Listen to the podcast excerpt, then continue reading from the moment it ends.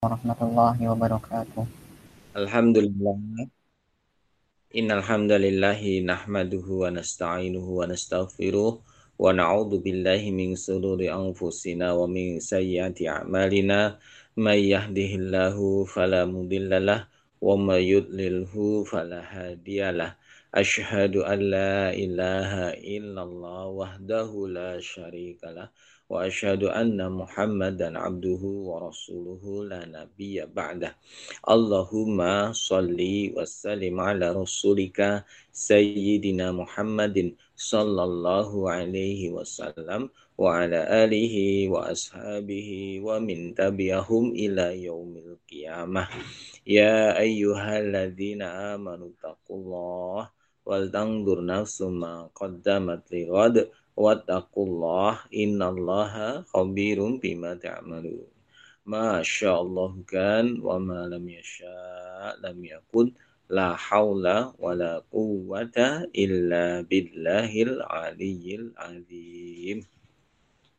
Segala puja dan puji syukur kita panjatkan kepada Allah Ta'ala pada sore hari ini bisa berjumpa kembali di kajian online.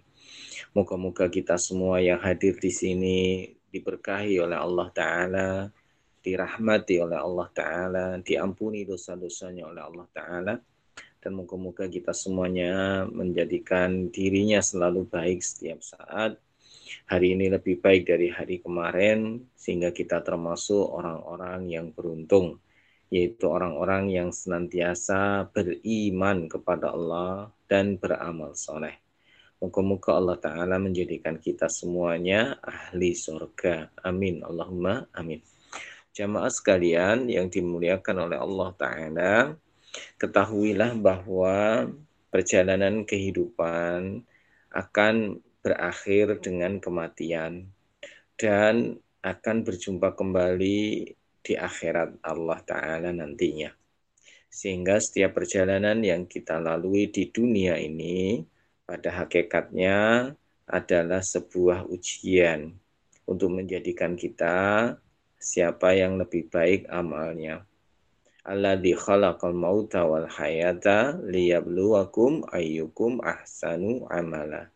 Maka Allah ciptakan ya hidup dan mati atau mati dan hidup untuk menguji kamu sekalian siapa yang paling baik amalnya. Maka senantiasalah berbuat kebaikan. Landasannya karena Allah Ta'ala menghidupkan sunnah Nabi Muhammad Wasallam sehingga insya Allah kita akan mendapatkan ampunan dari Allah Ta'ala. Dan orang yang mendapatkan ampunan akan diterima di sisi Allah Ta'ala mendapatkan karunia berupa surga dan kita menginginkan itu semua kelak di akhirat saat terbebas dari neraka dan dimasukkan ke dalam surga. Jamaah sekalian yang dimuliakan oleh Allah Ta'ala, perjalanan kehidupan manusia di akhir zaman yang penuh dengan segala ujian, segala fitnah, dan masih ingat perjalanan masih ingat tentang perjalanan kehidupan manusia dari mulai alam ruh, kemudian alam rahim. Sebentar ya.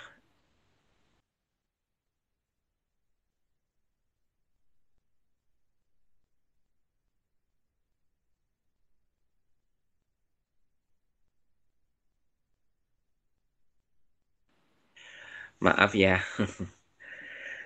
Jamaah sekalian yang dimuliakan oleh Allah, sekali lagi perjalanan kehidupan manusia berawal dari alam ruh. Kemudian dipindah oleh Allah ke alam apa? Rahim. Kemudian dipindah lagi ke alam dunia. Kemudian dipindah lagi ke alam kubur. Kemudian dipindah lagi ke alam mahsyar. Kemudian dipindah lagi ke alam akhirat, surga atau neraka. Oleh karenanya, jemaah sekalian, perjalanan ini harus senantiasa kita fahami. Jangan sampai kita melupakannya. Karena sesungguhnya hidup kita yang sebenarnya, yang abadi selamanya, ya di akhirat.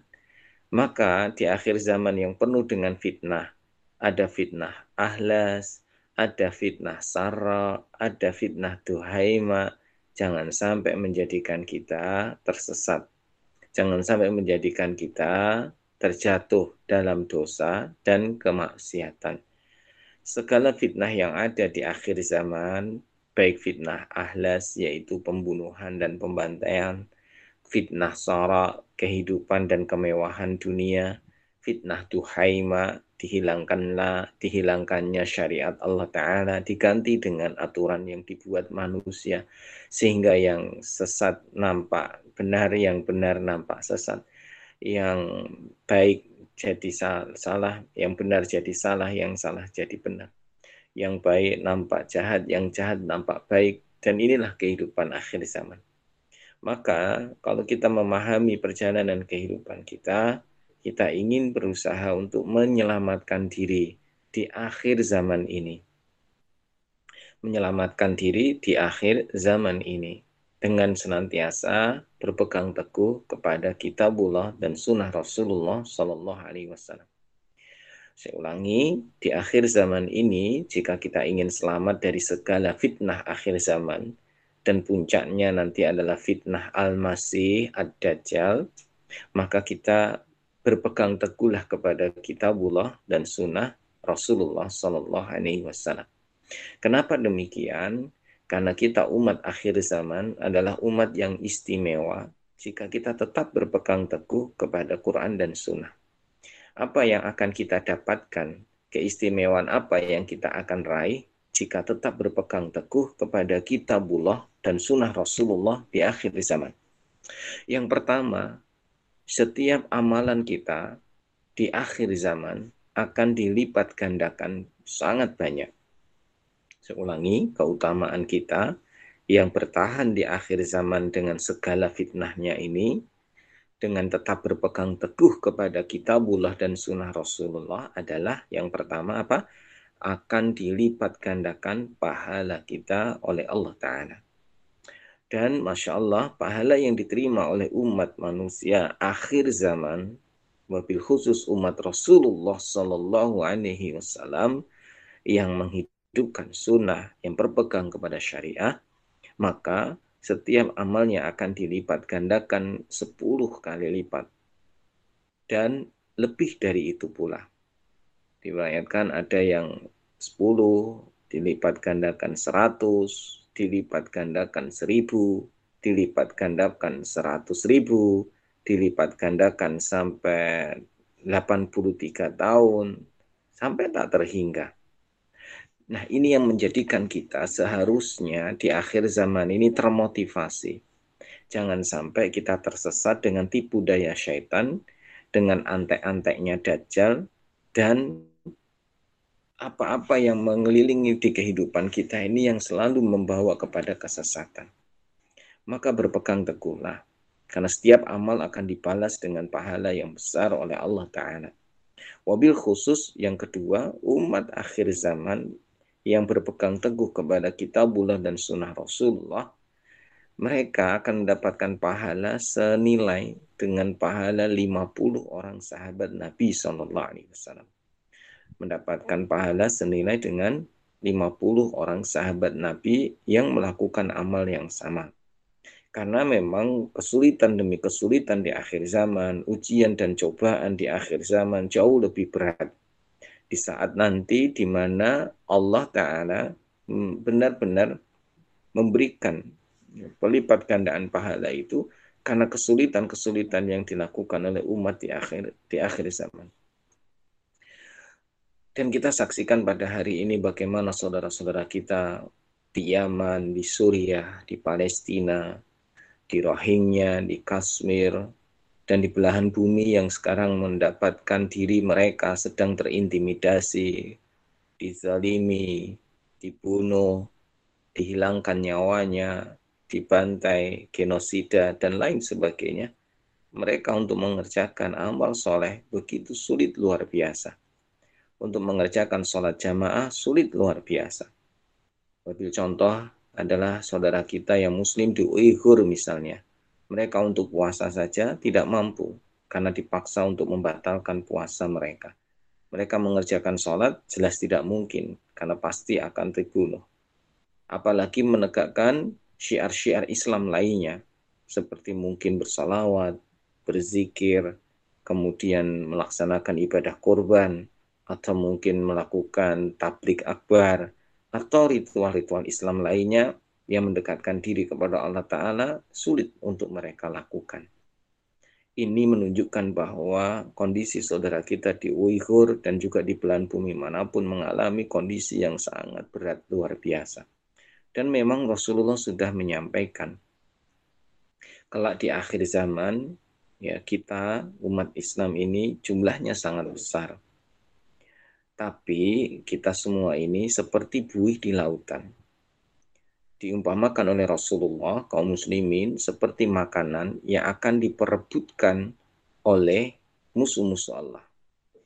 Dan sahabat bertanya, apa karena jumlah kita sedikit saat itu ya Rasul? Tidak, jumlah kalian jauh lebih banyak. Tapi kalian seperti buih. Cirinya buih itu tidak memiliki keteguhan, nggak memiliki ketetapan. Dia terombang-ambing ke kanan, ke kiri, dan terus mengikuti ombak yang membawanya. Dan ciri khas buih lagi kalau pada saat mereka sudah bersatu dan mudah bercerai lagi atau berpecah-pecah lagi. Begitu seterusnya. Dan kondisi ini terjadi di akhir zaman. Jumlah kaum musliminnya banyak, tapi mereka tidak memiliki kekuatan sehingga musuh-musuh Allah dengan amat sangat mudah merebut kekayaan yang dimiliki oleh kaum muslimin, merebut segala kejayaan yang pernah dimiliki kaum muslimin. Mereka menyiksa, menindas, membantai, dan sebagainya dengan leluasa tanpa takut dengan perlawanan kaum muslimin. Dan ini yang terjadi hari ini. Saudara kita dibantai, tapi kaum muslimin yang lainnya tetap diam-diam saja, tidak menjadikan mereka kemudian berbondong-bondong untuk membela mereka.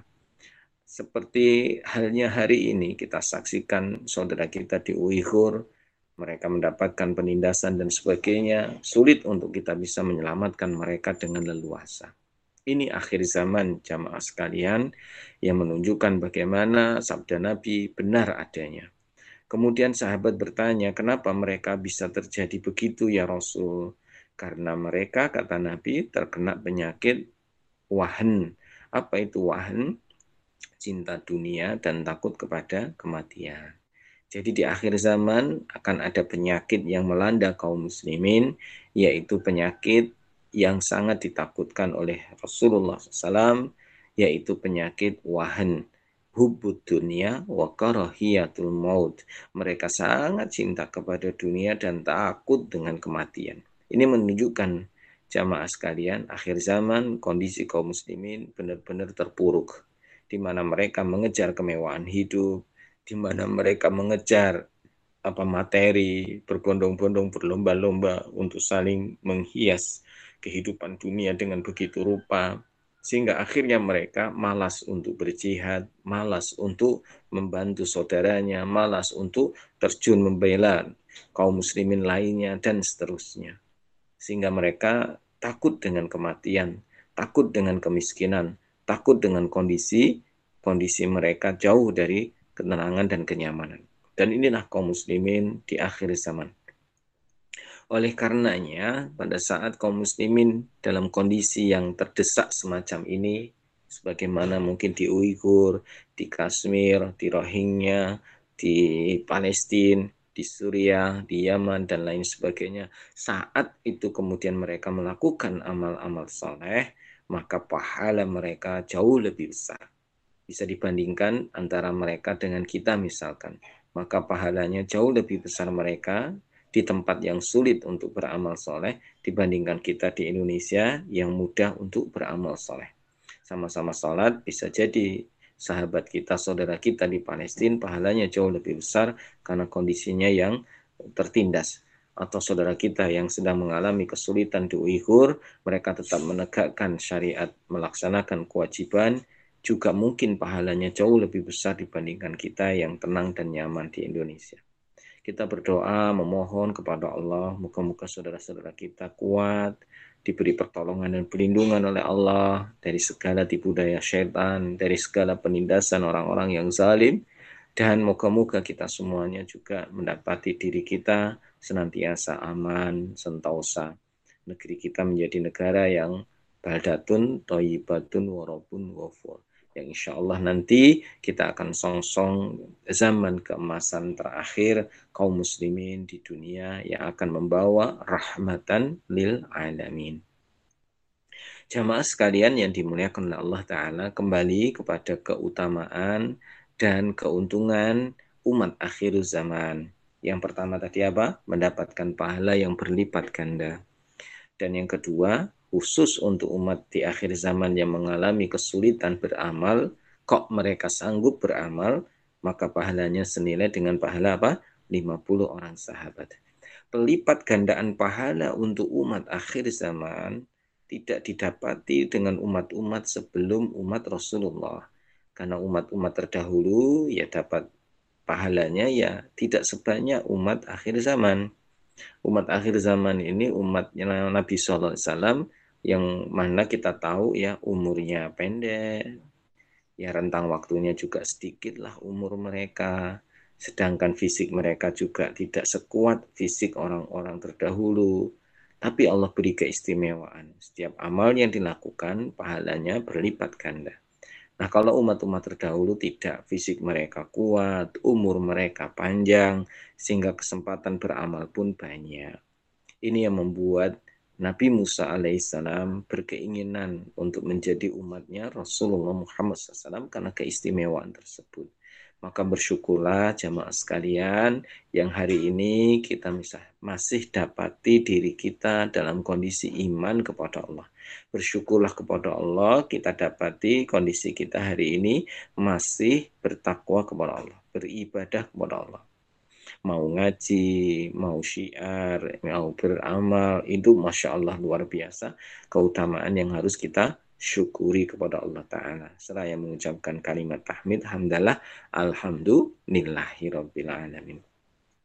Nah, jamaah sekalian yang dimuliakan Allah Ta'ala, ini yang kedua ya. Yang ketiga, Allah Ta'ala itu untuk umat Nabi Wasallam setiap niat yang baik sudah mendapatkan pahala. Ini keutamaan yang ketiga.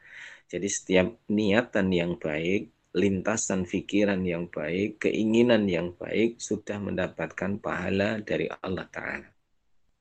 Berbeda dengan pada saat kita memiliki niatan yang buruk, maka tidak jatuh kepada dosa. Sebelum niat buruk itu terlaksana. Kalau niat buruknya terlaksana, maka jatuhlah dosa kalau enggak jadi terlaksana, malah dapat pahala. Inilah keutamaan umat akhir zaman.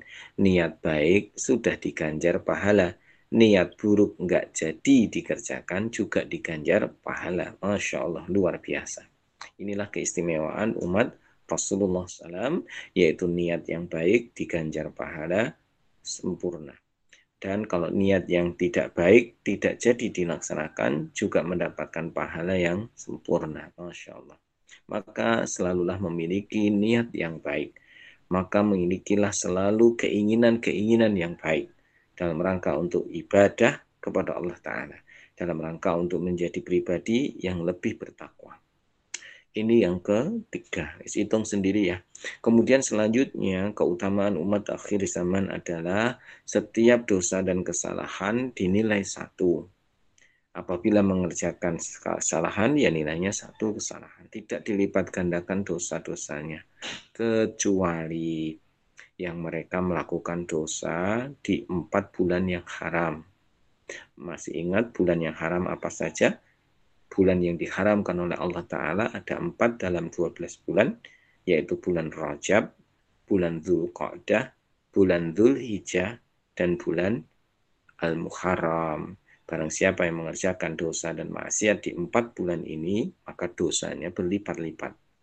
Makanya Allah berikan kesempatan yang banyak kepada kita dari 12 bulan ini Allah berikan sisa bulan-bulan yang banyak untuk kita beramal soleh yang banyak dan kalau melakukan dosa kesalahan di bulan selain bulan haram dosanya dinilai satu oleh Allah Ta'ala Meskipun demikian jamaah jangan sampai kita merasa tenang.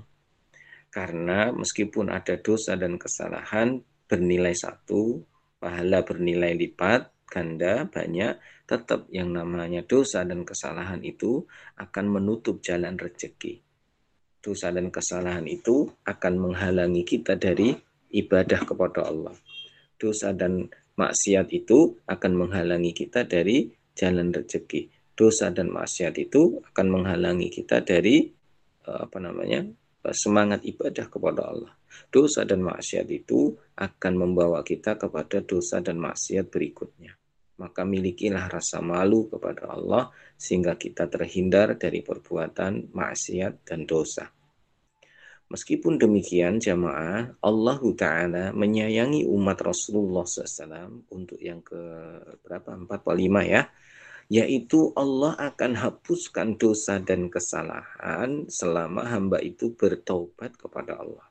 Saya ulangi, Allah akan ampuni dosa dan kesalahan seorang hamba selama hamba itu mau bertobat kepada Allah. Sehingga kalau dia mati tidak pernah bertobat dan tidak mau bertobat, sudah pasti dosa itu tidak akan mendapatkan ampunan dan bahkan nanti akan menyeret dia ke dalam neraka jahanam. Nauzubillah. Tapi kalau ada orang sebelum meninggal kok sudah bertaubat dari dosa dan maksiat dan bersyahadat kepada Allah Ta'ala, maka Allah akan hapuskan semua dosa-dosa mereka, diganti dengan pahala dan dimasukkan ke dalam surga. Contoh di zaman sahabat, di zaman Nabi Shallallahu Alaihi Wasallam ada seorang yang kafir kepada Allah orang ini dulu pelaku dosa dan maksiat. Pelaku apa? Dosa dan maksiat. Kafir kepada Allah Ta'ala. Tiba-tiba dia mendatangi Nabi membawa ontanya. Dan pada saat mendatangi Nabi dengan naik onta, ternyata orang ini masuk Islam di hadapan Nabi Shallallahu Alaihi Wasallam. Dia mengucapkan dua kalimat syahadat. Setelah itu dia pergi meninggalkan Rasul naik onta tersebut. Eh baru beberapa langkah ontanya terperosok. Ontanya terperosok dan mati. Orang tersebut juga ikut mati. Ontanya mati, orangnya mati. Apa kata Nabi? Dialah orang yang sangat beruntung. Kenapa? Dia datang sebelumnya membawa dosa dan maksiat, kekafiran, tiba-tiba dia mengucapkan dua kalimat syahadat dan Allah hapuskan semua dosa dan kesalahan kekafiran dia selama selama itu. Dan Allah langsung hapuskan semua dosa dan kesalahan. Seperti lembaran yang baru, yang putih bersih. Dan ternyata dia mengucapkan dua kalimat syahadat dan akhirnya menjadikan dia ahli surga. Dia mati terperosok bersama ontanya langsung ditakdirkan menjadi ahli surga. Padahal belum ada amal-amal soleh yang dilakukan setelah dia bersyahadat. Dia belum sholat, dia belum puasa, dia belum zakat, dan lain-lain. Dan ternyata dia mati dalam keadaan sudah bersyahadat. Dosanya hilang semua, kesalahannya diampuni oleh Allah Ta'ala semua seperti lembaran kertas yang bersih. Inilah keistimewaan umat Rasulullah SAW dengan syahadatnya, dengan keimanannya, menjadikan dia ahli surga. Maka jamaah sekalian yang dimuliakan Allah, kita tidak pernah tahu takdir seseorang. Karena kata Nabi, ada orang yang beramal soleh sepanjang hidupnya dan nyawa dia tinggal sejengkal, sekilat lagi, mau mati. Eh ternyata dalam waktu terakhir itu kemudian dia melakukan amal ahli neraka.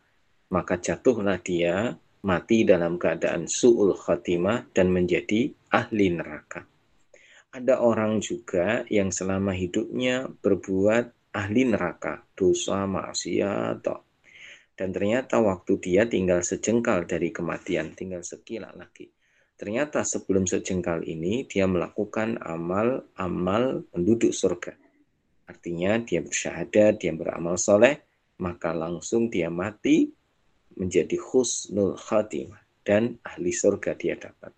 Inilah Allah Ta'ala mentakdirkan seseorang di akhir episodenya tidak ada yang tahu kecuali Allah Ta'ala Sehingga ada orang yang beramal banyak kebaikan, eh endingnya dia beramal keburukan yang menjadikan dia keluar dari Islam, murtad dari Islam, akhirnya kafir dan matinya su'ul khatimah. Ada orang yang sepanjang hidupnya kafir kepada Allah, memusuhi Allah, memusuhi Rasulullah dan kaum muslimin. Eh tiba-tiba sebelum meninggal dia taubat dan bersyahadat masuk Islam, maka selesailah urusan dia yang maksiat dulu diganti dengan menjadi ahli ahli surga. Karena Allah sudah tetapkan takdir manusia sejak dalam kandungan. Karena kita tidak tahu takdir kita, tidak tahu tentang amal-amal yang akan kita kerjakan, tidak tahu rezeki dan jodoh kita, bahkan tidak tahu kapan mati kita, maka tugas kita adalah beramal sebaik-baiknya. Beramal sebaik-baiknya. Hidup adalah pilihan. Dan kalau pilihan kita baik, insya Allah akan mendapatkan balasan yang baik. Kalau orang melakukan yang buruk, ya akan mendapatkan balasan yang buruk pula.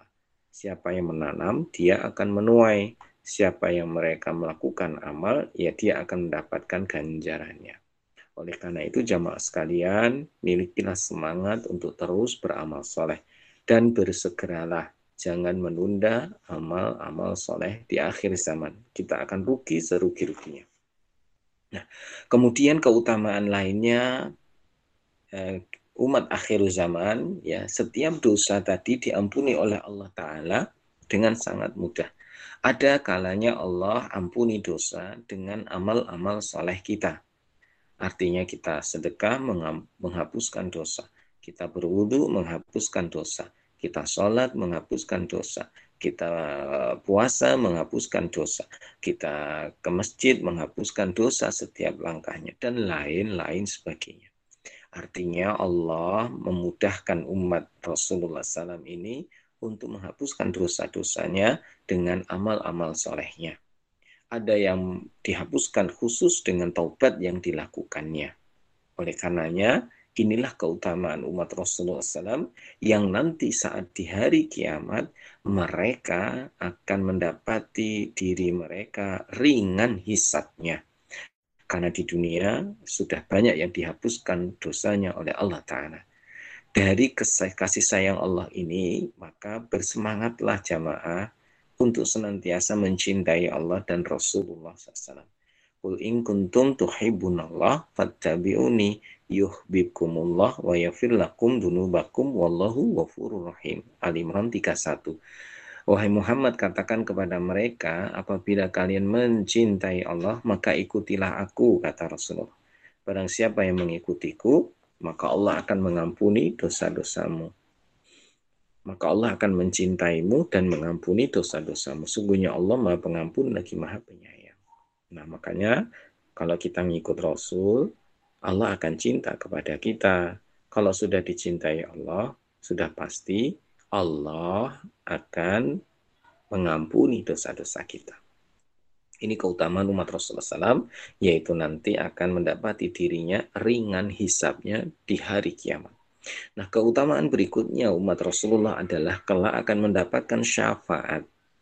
Dan syafaat ini mereka akan dapatkan dari Rasulullah Muhammad SAW cahaya yang memancar dari tubuh mereka, umat Rasulullah, karena bekas-bekas wudhu dari kepalanya, dari tangannya, dari kakinya, dari wajahnya, itu menunjukkan mereka berhak mendapatkan syafaat dari Rasulullah Muhammad Wasallam.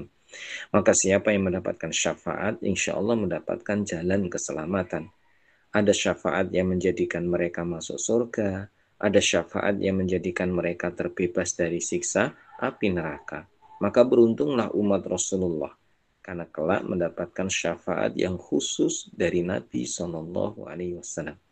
Karena ada syafaat yang sifatnya umum, syafaat yang berasal dari para malaikat, syafaat yang berasal dari orang-orang yang saleh, syafaat yang berasal dari orang-orang yang mati syahid, syafaat dari para nabi dan rasul, syafaat dari Hajar Aswad dan lain sebagainya.